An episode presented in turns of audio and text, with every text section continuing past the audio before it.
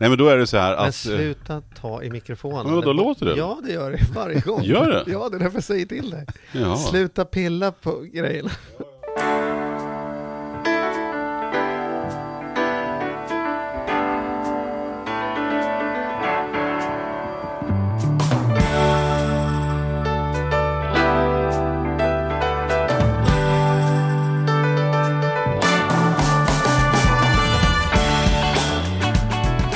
Och välkomna till Ekonomi på riktigt med Charlie och Mattias. Tack så mycket.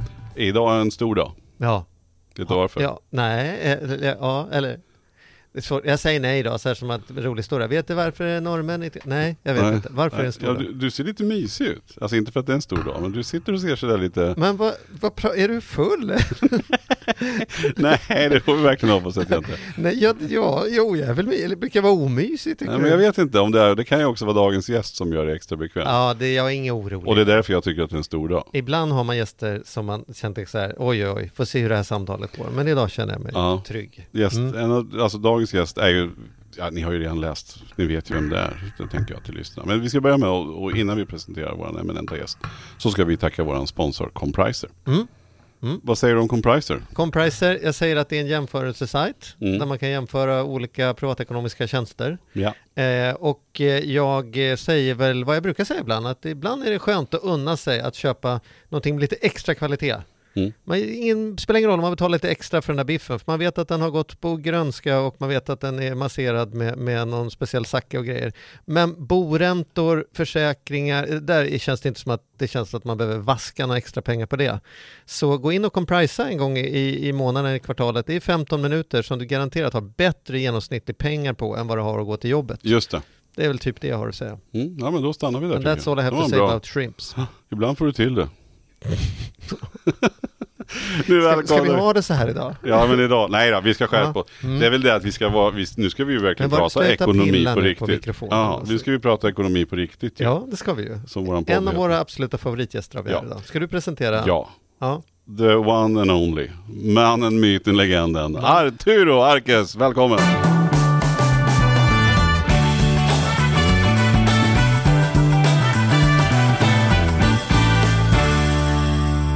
Tack så mycket. Du ska Tack säga, snälla. kalla honom för mannen med lösskägget? Jaha, nej. ja just det. Ja. Dina gamla HD. Ja. Men du Ja. kör fortfarande HD? Eh, jag kör både HD och Triumph. Ja. Gjorde vi reklam nu?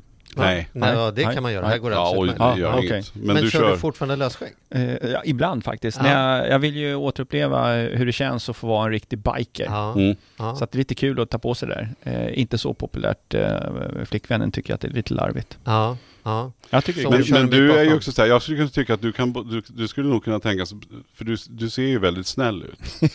Du ser, alltså, du, du, du, du är inte bara snygg, du är snäll också. Eller du ser väldigt snäll ut. Ja. Men jag kan tänka mig med lite får, skägg, han, han är så här idag Artur, du får Ja. bara leva. Ja, men med bara. lite skägg och dina liksom ändå Ja. mörka Coola glasögon. ögon, Ja, och lite bild, då kan Mm. du nog se jävligt hård ut också. Ja. Jag vill ju gärna göra det när jag kör Ja. bike, ibland. Mm. Ja, Mm, I varje Mm. fall. Ja, ja, det är bra. Man får lite respekt kan jag säga Kör, när man du, är på kör du vägarna. musik Ja, det förstår jag. eh, när du, eller är det tyst när du kör? Det händer, men eh, av speciell säkerhetsskäl så är det inte så. Eh, Nej. det är bra att höra trafiken. Ja. Så- Men eh, visst händer det att man har det. Sen har ju, det är ju populärt med såna här olika mikrofoner så man kan eh, snacka lite med den man kör tillsammans med. För ofta så kör man ju tillsammans med andra. Mm. Ja. Och då eh, kan man ha såna här Ja, radiomikrofoner det. så man kan snacka med varandra medan man kör. Vilket det? är bra, Ja, för ibland så tappar man, eh, man är inte alltid jättenära varandra. ja, just det. Och då kan man tappa bort varandra. Eh, och då är det bra att kunna surra att äh, du, jag stannar där vid nästa rödljus. Eller ta till höger nästa kurva. Men det kan väl också vara skönt att bara reflektera på saker. Kolla där, Absolut. titta där, titta ut där. Och framförallt om man kör och vägarna är dåliga kan man säga till de bakom att var försiktig, det är ett hål eh, i vägen. Ja, Håll koll. snyggt. Ap- apropå stanna på vägen, Mm. så berättade precis innan du kom in, Mattias, att du hade gjort ett ganska märkligt stopp Mm. Häromdagen. Mhm.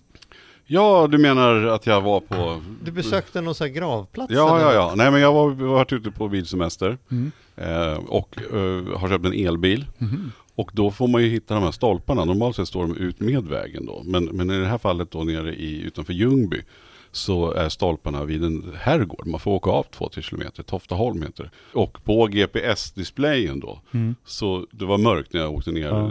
var på- liksom på väg söderut och då Mm. var det liksom sent på kvällen. Så hade det mörknat, men då dök det upp så här, då stod det så här Cliff Burton Memorial. Och för de som inte vet vem Cliff Burton är så var det Metallicas basist som Mm. åkte av vägen efter sista Var det där? spelningen. Det var där. Jaha. Så då kände jag så här, när vi åker tillbaka så kommer jag också behöva ladda. Om Mm. inte annat så ser jag till att vi behöver ladda där. För det Mm. vill jag ju se dagtid. Ja, Och så åkte jag dit och sen, du kan få se bilder sen. Ja, så gärna. den där. Det var, ja ja, gärna. och jag var på det sista gigget 86 i Dessutom. Solnahallen. Ja. Mhm. Och såg det här giget och minns det där extremt tydligt när, när de åkte av vägen. Mm. Så att, Det, eh, det var en lite fint. parentes här på... Det var, oj, ja, Ja. nu tappar Ja. vi det. Ja. Nej, men det var- Ja, nej, men det det var också var- intressant. det var- Ja, men vad roligt. Ja. Ja, vi ska, Men- prata, vi ska prata lite om världsläget, Mm. tänker vi. Och Mm. hela vägen upp från liksom kosmos ner Ja. till min plånbok, Ja. hur det ser ut. Ja. Hur, mår, hur mår den finansiella världen just nu? Ska vi börja i den ändan? Ja, vi har ju haft en lång period med en eh, bra konjunktur får nog säga. Det som har hänt nu på senare tid är att vi har sett eh, signaler på en konjunkturavmattning och det ser man också.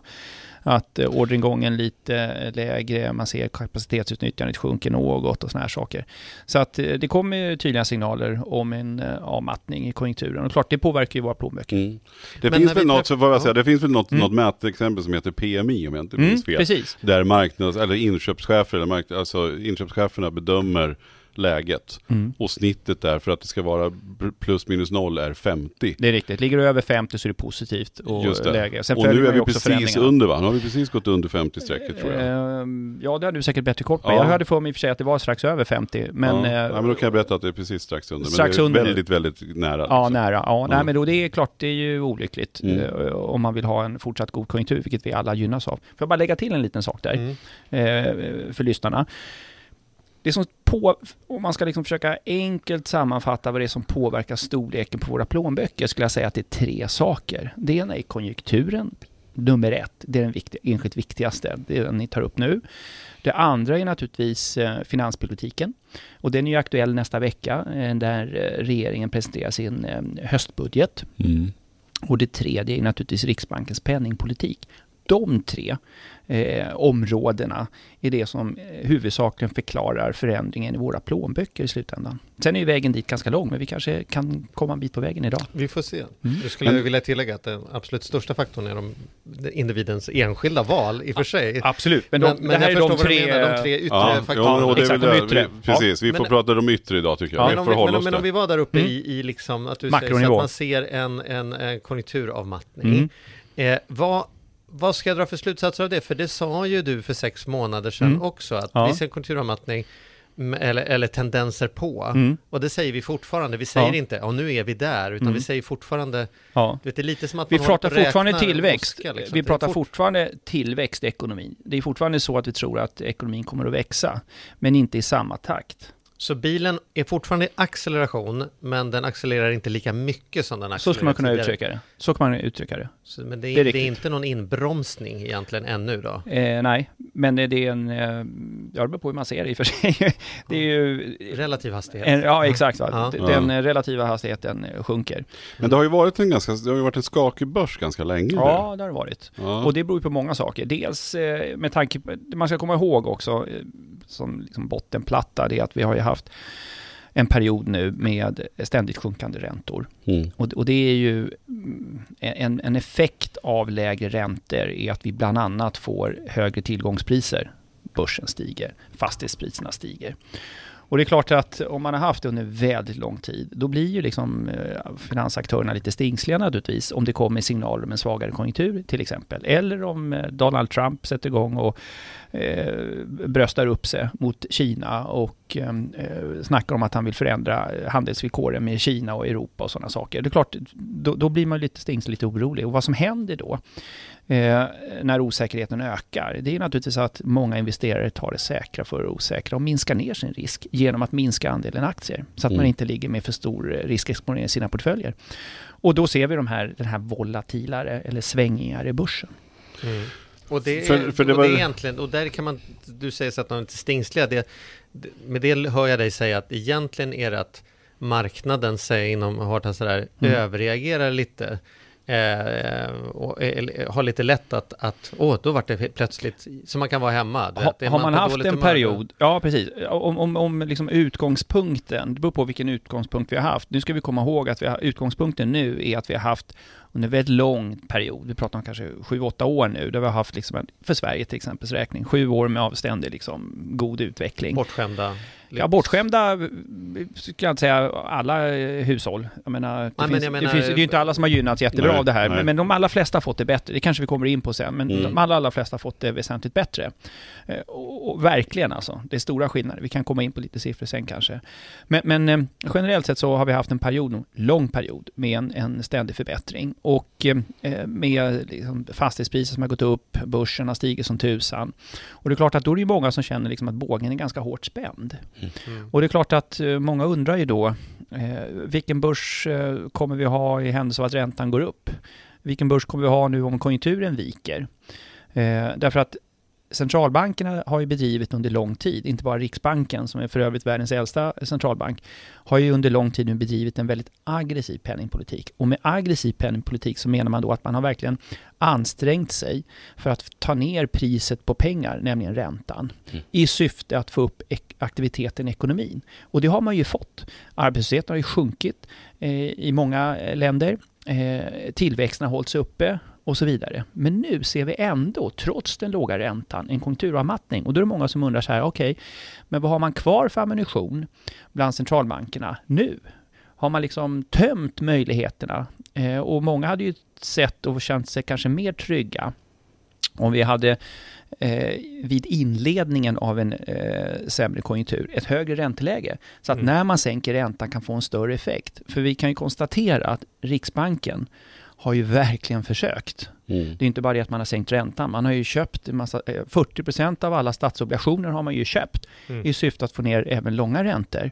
Och ändå så får vi inte upp inflationen eh, på 2, till 2%. Och då blir folk lite sådär, jaha men tänk om eh, konjunkturen viker ännu mer, vad ska de göra då? Men det är ju inget tänk om. För att stimulera är ekonomin. att Förr Mm. eller senare. Ja, och, och är det så konstigt tänkt då? För jag tänker Nej, att det här absolut är, ju- inte. Det är ju gasen och bromsen. Att liksom räntan är Precis. tänkt att, att vara, när vi sänker räntan, då gasar vi maskinen. Ja. När vi höjer räntan så släpper vi av på gasen. Mm. Och då är det klart att om man gasar för fullt i nedförsbacke, då har man liksom ingen pelle Nej, då är ammunitionen ett slut. Ja, exakt. uppförsbacken. Ja, och då blir det det att då blir folk lite bekymrade och oroliga då. Varför har man gjort så då, Arturo? Ja, man har inte haft så måste- mycket val. Alltså, bara man säga inte det. vetat det här tror jag kan vara bra för er lyssnare att känna till. Alltså det här är ju en jättesvår fråga och, och många undrar ju naturligtvis liksom, för det här är menar, situationen vi har idag har ju ingen som idag lever liksom upplevt tidigare. Mm. Och det, och det gäller ju även riksbankschefen. Eh, Ingves har ju inte heller någon erfarenhet av att, och, och läroböckerna tar inte upp den här situationen på samma sätt som man tar upp eh, normala räntelägen. Så eh, många får ju liksom pröva sig fram då och det man ska komma ihåg då det är att vi har haft en väldigt lång period nu med god utveckling just därför att centralbankerna under lång tid då har eh, sänkt liksom pris på pengar, räntan som vi pratade om. Vad, vad vi också kan se eh, som också påverkar ränteläget Eh, och Riksbankens penningpolitik för, förutom eh, penningpolitiken som andra riksbanker eh, bedriver, eller centralbanker ska jag säga, som andra centralbanker bedriver. Det är naturligtvis att vi har en teknikutveckling, vi har AI, vi har miljö och vi har också demografiska utmaningar. Vi får en allt äldre befolkning. Och det gör att den äldre generationen då eh, prioriterar mer sparande och mindre konsumtion. Så när Riksbanken vill få upp aktiviteten i ekonomin genom att göra som Charlie säger här, sänker räntan. Effekten tidigare, när man kanske inte hade så, många, så stora marginaler i ekonomin, det var liksom att ah, okej, jag får 100 spänn till, ja men då kan jag köpa de här skorna som jag inte hade råd med. När 40-talisterna skulle köpa villa, då var räntan jäkligt viktig. Absolut. Nu när 40-talisterna är i pension, då är det inte så jädra viktigt. Nej men effekten nu, det är det här att om vi får 100 kronor mer i plånboken, Ja. då tror inte jag att vi spontant säger så här, men då går jag och köper de här dojorna som jag inte hade råd med förra gången. Utan då är frågan det här, ha, vad ska jag göra? Ska jag köpa mitt sjuttonde par? Eller ska jag köpa ett par eh, byxor till? Nej förresten, jag har redan 14 par jeans, jag behöver inte det. Jag spar pengarna istället. Mm.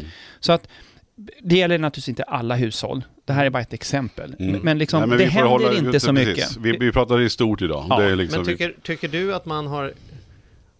Jag ska börja andra änden Mm. så här, så här.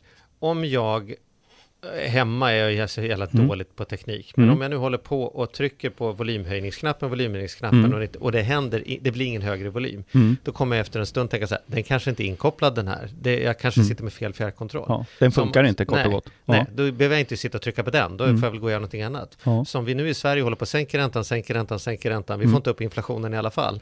Då kanske man behöver, skulle man inte någon gång säga så här, okej, men då kanske inte de här två är, är ihopkopplade med varandra längre. Då behöver vi hitta någon annan strategi, snarare än att kräma ut hela batteriet. Mm. Jag, jag är lite, jag Och det är många som har börjat, det är en ganska intressant liknelse du gör, och det är ju många ekonomer, eh, inte minst chefekonomer på storbankerna som naturligtvis har tagit upp det här, liksom att det kanske finns andra saker man kan göra. Eh, för att och fart på för att, få, för att få fart på tillväxten och inflationen, sysselsättningen och få ner arbetslösheten. Och det är till exempel, som jag var inne på inledningsvis, Konjunkturen har ju naturligtvis en påverkan på vår konjunktur och naturligtvis penningpolitiken. Men vi har ju också finanspolitiken. Eh, och det är ju många idag som propagerar för att, ja men varför kan inte Sverige som har en väldigt stark eh, ekonomi, alltså statsbudgeten är ju väldigt, väldigt stark. Vi har en låg skuldsättning, vi, går, har både bytesbalansen och handelsbalansen visar stora överskott. Vi har ett sparande i samhället och kanske ett av de starkaste argumenten idag, svenska staten får betalt när de lånar.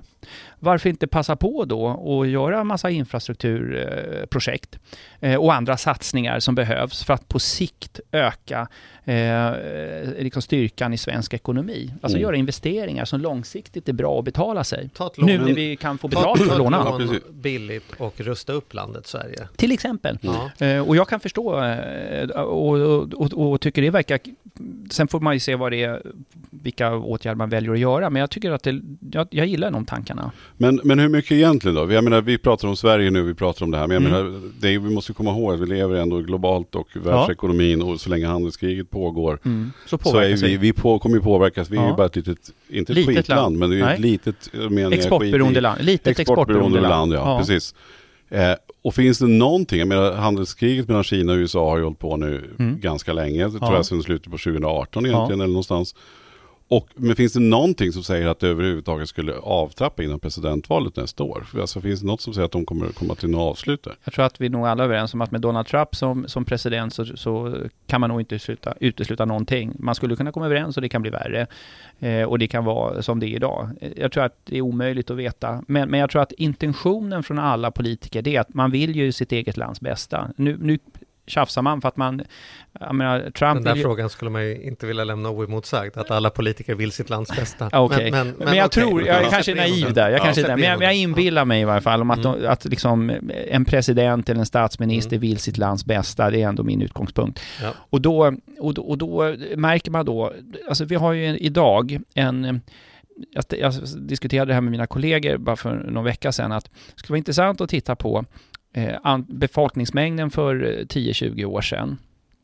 Eh, och den produktionskapacitet som fanns då, den samlade produktionskapaciteten i världen som fanns då, av varor och tjänster. Och sen nu då 10 eller 20 år senare titta, okej, hur många är vi idag på jorden? Och vad är den samlade produktionskapaciteten av varor och tjänster? Och det är jag alldeles övertygad om, att den samlade produktionskapaciteten idag är mycket större, även i relation till befolkningstillväxten. Mm. Och det är också en annan förklaring till varför jag tror att vi har så låg inflation. Att idag finns det så många företag runt om i världen, inte minst i Asien då, då där väldigt mycket idag tillverkas. Eh, och inte bara i Europa och, och, och väst. Utan väldigt, alltså, behöver vi mer än 20 olika tandkrämsfabrikat? Liksom, behöver vi allt det här som tillverkas idag? Behöver vi fyra tv-apparater hemma? Liksom, behöver vi så himla mycket? Och jag tror svaret är nej. Dessutom finns en faktor till, miljön. Det, alltså, idag så finns ett, um, ett tänk hos hushållen tror jag, och ett, ett miljötänk där man vill ta lite ansvar och man känner själv att vi kan inte hålla på på det här sättet. Jag får lite mer pengar i plånboken men jag kanske inte ska springa iväg och köpa en ny TV eller en ny resa till Mallorca eller vad det nu är för någonting man tidigare unnade sig. Utan nu tänker man så här, jag ska nog tänka till, jag ska nog eh, ta lite större miljöhänsyn och eh, spara de här pengarna för att vi kanske inte kommer ha det lika bra i framtiden som vi har idag. Mm. Men är inte det bra?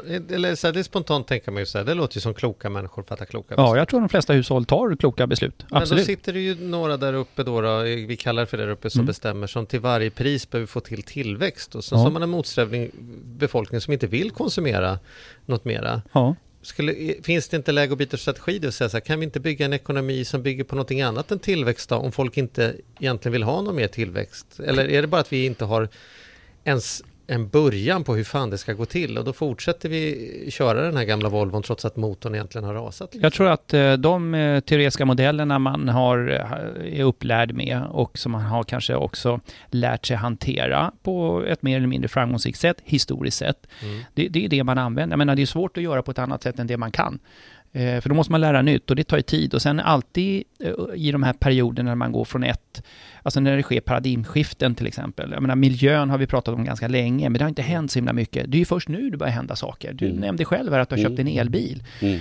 Eh, och jag tror att folk i allmänhet tar idag ett är mer miljömedvetna och tar eh, man är inte lika konsumtionsbenägna. Sen har ju det naturligtvis att göra var man kommer ifrån. Om det var så som det var kanske när jag växte upp, att även de som var akademiker och hade bra jobb inom situationstecken.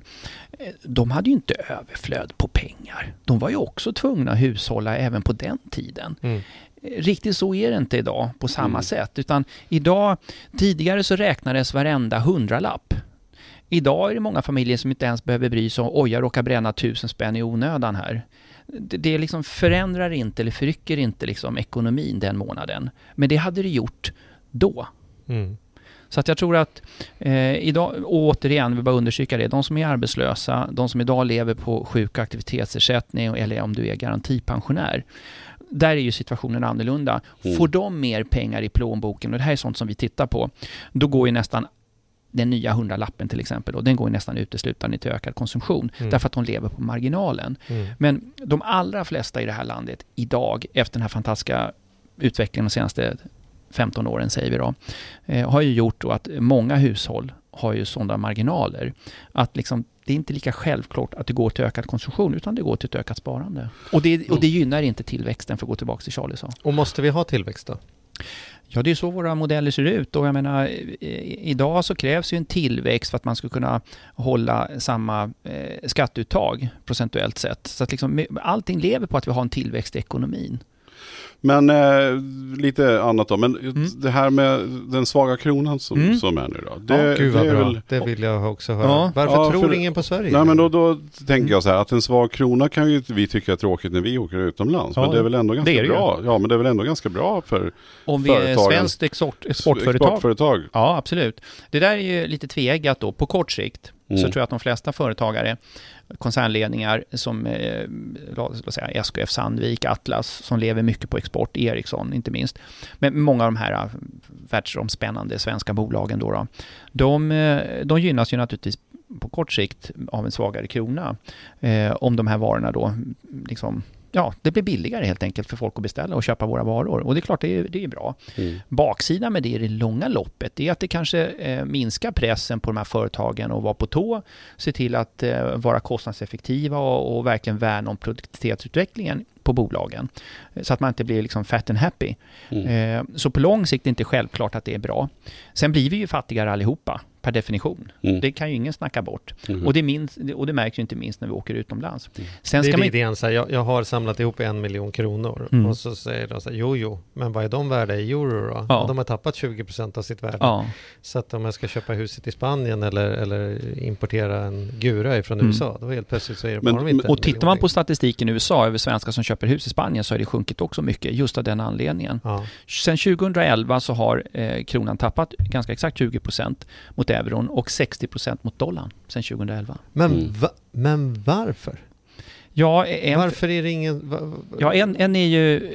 Om du äger en valuta... Du kan tjäna pengar på två sätt om du har en valuta. Det ena är att eh, valutan förändras i pris, det vill säga valutan stiger i värde. Det är ett sätt. Ett annat är ju att hålla en valuta, för du får ju en ränta om du håller valutan. Mm. Men vad får du idag om du håller en svensk krona? Ingenting. Ingen ränta. Nej. Men om du går till USA så har de ju en styrränta som ligger på drygt 2 Ja, då, att, ja precis. Och, då, och det är de plus att dollarn är en stark och världsomspännande valuta som folk går till vid, vid orostider. Sverige är en liten ekonomi, relativt sett, eh, öppen, exportberoende. I tider av osäkerhet så är ju eh, liksom valut den svenska valutan liksom sårbar. När det går bra i världskonjunkturen, då brukar svenska kronan utvecklas lite bättre än snittet. Men när det går dåligt, då går vi sämre än snittet. Så, det, här är, det är ett högre delta. Man ska se det här som något misstroendevotum internationellt mot Sveriges penningpolitik eller det svenska ekonomiska systemet? Det skulle kunna vara. Men det, det kan vara det men det är framförallt ett uttryck för att vi har fört en väldigt aggressiv penningpolitik. Det är ju, så vitt jag minns rätt nu, så tror jag att det är två länder förutom Sverige som idag har en negativ styrränta. Mm. Eh, de flesta har faktiskt noll eller en positiv styrränta och det är klart att då får man ju betalt om man äger en annan valuta. Eh, I Sverige Tyskland har väl ännu sämre än oss, har de inte? Eh, nej, eh, eh, nej, men jag tror Schweiz har ju... Schweiz har vi riktigt ja, uselt. Ja. Men där är också, väl också typiskt USA då, för där drabbas de ju inte lika hårt som Kina kanske gör av handelskriget heller. För att de har ju ändå, som du säger, nästan 2% eller vad det kan vara. Ja i, i positiv ränta. Mm. Och också att det kanske är världens konsumentstarkaste land. Det finns ja. väl inga konsumenter som är starkare än amerikanska. Ja, och de har ju en, en, en, en inflyttning till städer och en tillväxt i ekonomin som ligger ju runt 6 procent. Mm. Till skillnad från oss. Så att jag menar, där finns ju ett behov. Så varje ökad krona som de får går ju gärna till konsumtion. Därför mm. att de kommer från en mycket lägre nivå. Men att stärka kronan, vad skulle krävas då? Att man höjer räntan? Alltså, ja, det skulle ju, rent penningpolitiskt så skulle det kunna vara... Eh, men, men sen beror Men då på tappar vi fart. Tilltro. Vi kan stärka kronan men vi tappar fart om vi höjer Ja, det är lite som Charlie var inne på. Det handlar mycket om förtroende också. Eh, vad är en valuta värd? Ja, det är ju till omgivningen att bedöma liksom, vad man tycker att den är värd. Och det är klart att har man förtroende för svensk ekonomi eh, och tror att eh, svensk ekonomi kommer utvecklas väl, vilket den har, även relativt många andra i-länder, så eh, jag menar, det kan vara ett uttryck för många saker. Det kan vara ett uttryck, den svaga kronan kan vara ett uttryck för att man eh, kanske misstror Riksbankens penningpolitik. Eh, man tittar på hushållens skuldsättning. Man vet att svensk, eh, alltså den svenska ekonomin är beroende av konjunkturen eh, och att liksom förändringen på svensk ekonomi är lite, är lite mer liksom volatil eller rörlig beroende på hur konjunkturen går. Är vi på väg neråt så kanske det slår lite mer på Sverige än i många andra länder som är större och kanske har en annan struktur på, sin, på sitt näringsliv. Så att det kan ju vara ett uttryck för mycket, men, men vi kan ju konstatera att den svenska kronan har varit svag och vi tror att den kommer vara det eh, ett tag till.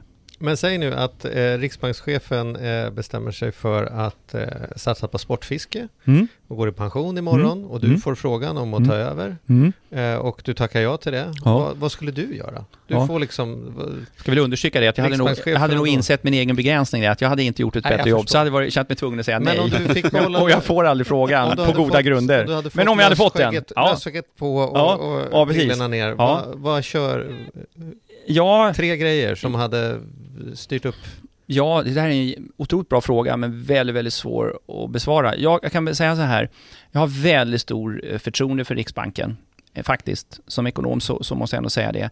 Och jag har haft två av dem som kollegor vilket naturligtvis gör mig lite biased. Mm. Men eh, eh, det är något, alltså tänk er själva, här sitter ni eh, i liksom Riksbanken och så har ni det här uppdraget eh, om att få upp en inflation värna om eh, penningvärdet, se till att liksom, eh, det finns eh, pålitliga betalningssystem i landet. Och så tänker man så här, ja men vi måste få upp inflationen här nu för att hålla uppe, liksom, vi behöver få upp tillväxten i ekonomin så att vi landar på en inflation på ungefär 2% för det är bra för svensk ekonomi.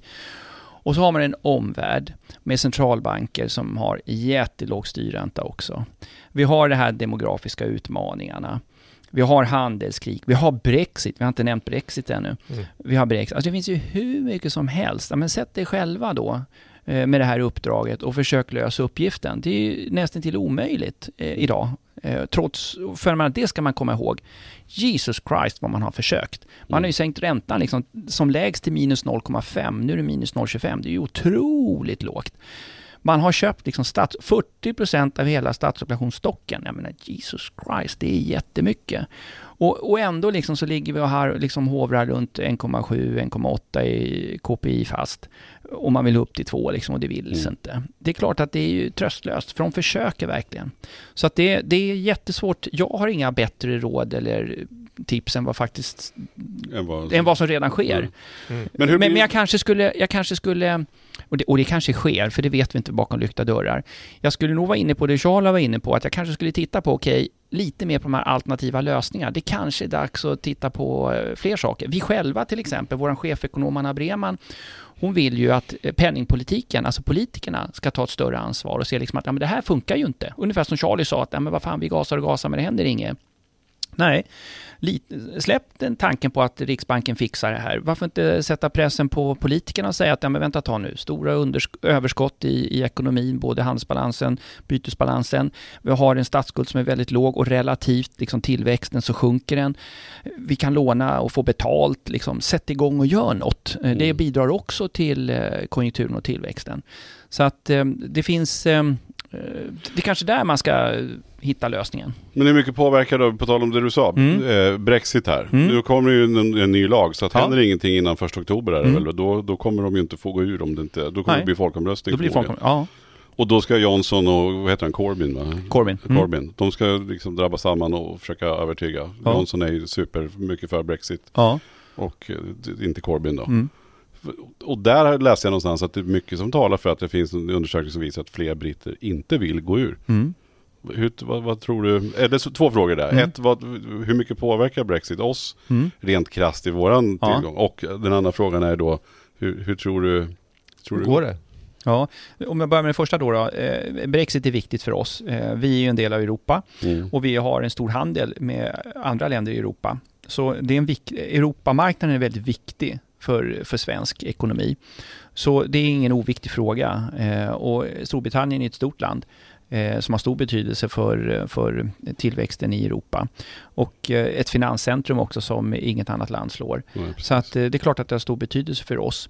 Eh, Så eh, det vore ju önskvärt att, eh, att det sker i ordnade former. kvar, Ja, eller? alltså jag, jag personligen tycker att de skulle definitivt vara kvar. Jag tror att det är framförallt ett sånt land som Storbritannien är ju, tycker jag, en av liksom pelarna och liksom kärnan i, Mm. i det här eh, samarbetet. Och förutom Tyskland och Frankrike, eh, Italien, kanske inte har bidragit lika mycket som många andra länder. De har bidragit med Men jag tror att det, det är ett stort viktigt land och jag älskar Italien på alla sätt. Eh, fantastiskt land. Så jag tycker, jag tycker det är viktigt att de länderna är med och man visar solidar- solidaritet.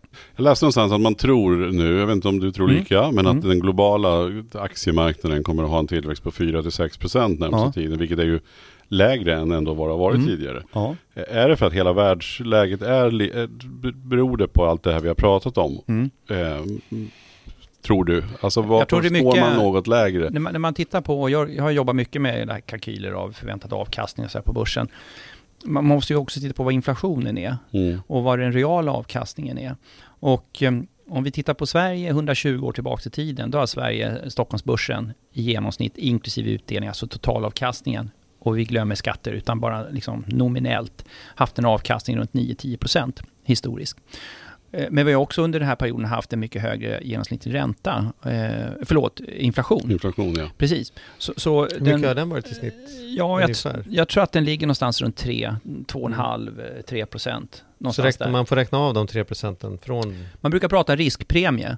Eh, det vill säga om du tar förväntad avkastning eh, minus den riskfria räntan och det finns en koppling mellan liksom riskfri ränta och, och inflation. Då kan man konstatera då att en riskpremie på ja, f- 4, 5, 6 procent för svensk Stockholmsbörs eh, är ju rimligt. Mm. Och, och då hamnar man ju på de här nivåerna som du tar upp Mattias. Att, Mm. att har man en inflation som ligger nära noll eller nu då 1,7-1,8. Då är det inte ett orimligt antagande att förvänta sig en avkastning på de nivåerna som du nämner. Mm. Så sista frågan då. Mm. Kommer vi att, hur, hur kommer det se ut närmsta året? Blir det en hög eller lågkonjunktur eller kommer vi ligga konstant? Jag tror högre att, låg...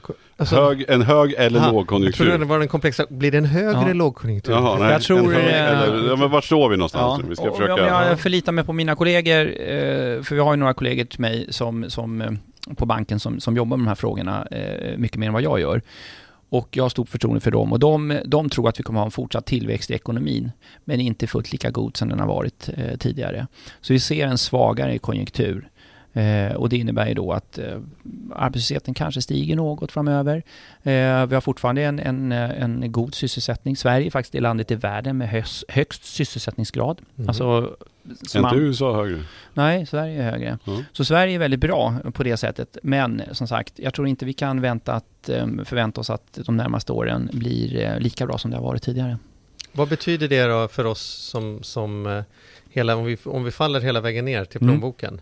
Är det dags att, jag får skambud på att binda räntan, så här, Mm. två, tre år för eh, under 1,20. Ja. Säger man så här, man tjänar aldrig på att binda räntan, men eh, det kan inte bli så jädra mycket.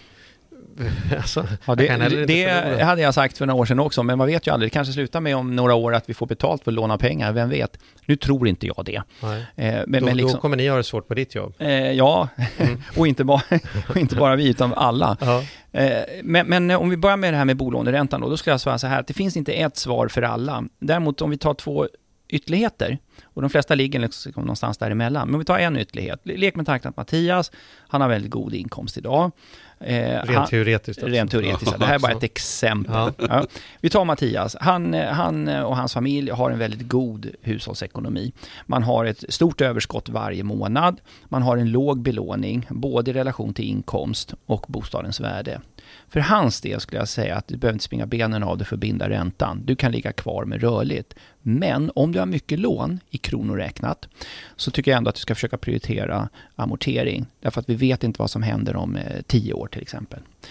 Vad enda vi vet är att vi har fortfarande mycket lån om du inte amorterar. Och vad räntan är då, det står skrivet i stjärnorna. Om vi Mm. tar den andra ytterligheten och så låter vi Mattias, eller eh, Charlie få representera den kategorin då. Mm. Att han lever redan idag med näsan precis över vattenytan. Mm. Han har en hög skuldsättning, både i relation till inkomst och bostadens värde. Och han har ont i magen varje gång han går lägger sig och tänker så här, Jesus Christ om räntan går upp. Och han vet också, för han har räknat, att även en liten förändring på räntan kommer betyda mycket på boendekostnaden, för han har så himla mycket lån. I hans fall så ska jag säga så här, Charlie du behöver tänka till lite extra här nu. Vill du prioritera trygghet och veta vad liksom din boendekostnad kommer att vara, får ett bra erbjudande från banken så kanske du ska överväga att åtminstone binda delar av lånet som trygghet och försöka prioritera amortering. För idag så finns det många som tänker så här, nej men räntan är låg, det kostar inte så mycket att ha lånen och så prioriterar man konsumtion. Den dagen när räntan går upp, då man, då man känner att det finns ett incitament att göra någonting, då kanske förmågan saknas. För då måste man ligga och betala en massa ränta till banken som man inte har råd att amortera. Det är vad jag skulle säga. Och sen, som de allra flesta är, de kanske inte är de här två ytterligheterna som jag tog i exemplen med er, utan man ligger någonstans däremellan. Ja, då får man väl pussla ihop någonting som passar då, den egna ekonomin. Mm. Ja, det, är Ja, det- var jag, väl- är, jag är ju inte där, men det är faktiskt lite lockad på när det är så pass billigt så tänker jag att jag har mer att man kan också bara ställa sig frågan vad, vad kan jag vinna kontra vad, vad kan jag förlora? Liksom, ligger jag på en, typ 1% i ränta, Mm. liksom så här, om det verkligen tokrasar kan jag komma ner i 0,8. Mm. Men skulle den tokrusa, då kan den komma upp i 3-4. Så man Mm. tittar på vinst kontra, kontra riskpremie. Och är den på andra väg upp då kommer det inte vara lika billigt. Nej, det är Ja. klart. Det är, Nej, är den det. långa räntan avslöjar någonting om vad de som kan Oh, ja. tror att den kommer vara om två år. Liksom. Och, och det är ju oftast, en, man brukar prata om en, en inverterad ränta nu, där den långa räntan är oftast högre än den korta. Och under, vi har ju sett här nu i USA till exempel en kort period när det tioåringen låg lägre. Och eh, nu är det fortfarande en liten bit kvar här i Sverige, men det, liksom, det kan ju inte uteslutas. Och det är ju en tydlig sån konjunktursignal om att vi har en vikande konjunktur. Eh, och, och sen är ju också frågan om sannolikhet, Charlie, att eh, du har dels de här två scenarierna. Ja, men i händelse av att räntan går upp, vad händer då? Eller om det Mm. går ner, vad händer då? Men du får också lägga till en parameter och det är sannolikheten för att det ena eller andra ska inträffa. Just det. Så tar du produktsumman av det där och så upptäcker du sen, ja, det kanske är bäst att ligga kvar eller göra en kombination. Men samtidigt som, som det, det, det är liksom dystert, eh, eller åtminstone lite förvirrat i det stora perspektivet, så, så var vi inne på att de svenska hushållen, vi har det ju bra. Det finns väl, vad säger du, det finns väl inga tydliga tecken på att att, att vi rent liksom, att hushållen kommer sitta och behöva blanda bark i bröden framöver heller. Nej. Så att jag menar, så vi inte... Det är riktigt. Jag tror, vi får inte glömma bort att de här senaste 15 åren har ju hushållen fått det väsentligt bättre. Mm. Vad vi pratar om nu, det är att eh, den här fantastiska utveckling vi har sett, att eh, den kanske avmattas eh, och eh, vi, får inte, vi kan inte förvänta oss att det här kommer att hålla i sig tydligt. Hushållen har fått det bättre därför att ett, man har haft en god inkomstutveckling. Eh, två, bidragen generellt sett har ökat, bostadstillägg, barnbidrag eh, och så vidare.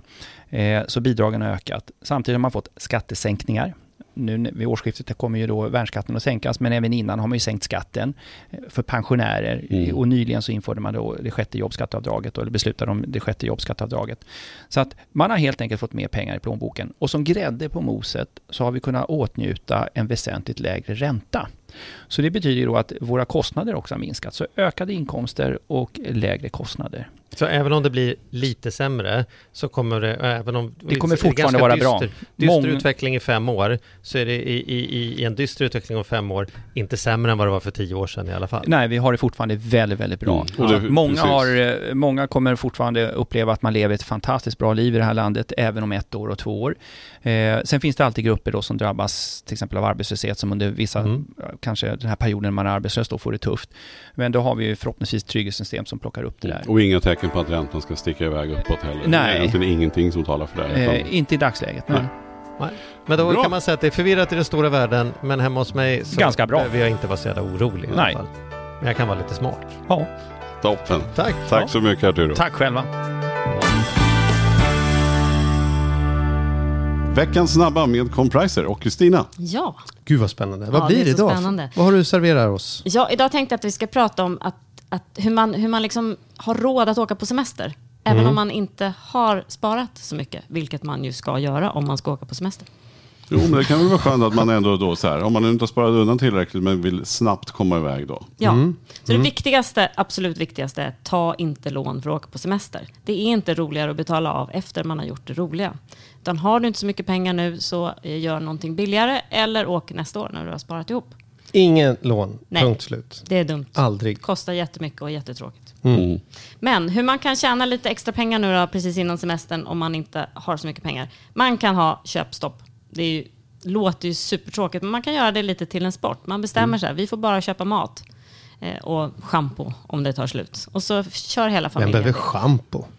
Jag har, en, jag har en kompis som gjorde köpstopp i och för sig ett år, men det var rätt mm. häftigt som en utmaning. Oj, oj, oj. Och jädrar vad ja, hon sparar in pengar. Alltså. Mm. Aj, superhäftigt. Ja, det kan vara bra bara som ett liksom, experiment ja. för att se mm. vad det är man gör. Och sen tycker jag något som funkar väldigt bra, det är så här, ät bara mat hemma. Håll inte på att köpa saker på stan. Käka inte lunch ute, gå inte ut och äta, ta inte hämtmat. För om du dels handlar billig mat på billiga affärer och sen så lagar all mat hemma så kan du spara en hel del. Mm. Några mm. tusenlappar in. Och sen sälj prylar. Vem har inte ett par gamla skidor eller ett par gympadojor på, på vinden? Precis. Exakt så. Låter den bara gå förbi, ja, gympadojsreferensen. Ja. Nej, mm. och sen när man väl är på resa, eh, så hur ska man få liksom, hålla i pengarna? Och vad jag tycker funkar är att man liksom pratar ihop sig med familjen vad man har för förväntningar och hur mycket pengar man har. Att man gör en liten budget. För då blir det lättare när det kommer tillfällen så här, ska vi, ska vi äta ute ikväll? Nej, vi har inte råd med det för vi ska gå på Grönan imorgon. Att man liksom kan prioritera tillsammans vad man ska göra med pengarna. Mm. tycker jag funkar jättebra. Och då blir det all, det blir inte gnälligt. Alla tycker att det är helt okej okay för att man har gemensamt kommit överens och man vet hur mycket pengar man har. Så en budget tycker jag är väldigt bra. Ja, och framförallt när man kanske planerar innan då, tänker jag, när man åker, så vad ska vi prioritera på den här resan? Ska vi gå ut, är det någon särskild gång vi ska göra? Ska vi åka på någon särskild utflykt? Ska vi göra någonting? Ja. Hur, hur, så att man är överens, man inte behöver fundera där. Nej, och man kan till och med titta på hur mycket pengar i veckan har vi, eller hur mycket pengar har vi per dag, och då blir det lättare. Att... Man kan ge sig sjutton på att har man två barn så kommer de garanterat inte att tycka, tycka samma sak. då får de lära sig kompromissa. Då kan man kompromissa innan man åker, så Exakt. har man ett problem mindre, mindre där. Bra. Yes. Och sen så hyr man väl ut bilen och, och huset medan man är borta? Givetvis. Ja. ja men det är, eller man lånar någon, eh, man är husvakt kanske hos någon. Mm. Det, det är ett billigt sätt att semestra. Man kan ju säga, jag tar hand om blommorna och katten, får jag bo hos dig? Mm. Nu är ni Fast på franska. Så ja, exakt, ja. ännu roligare. Ja. yes.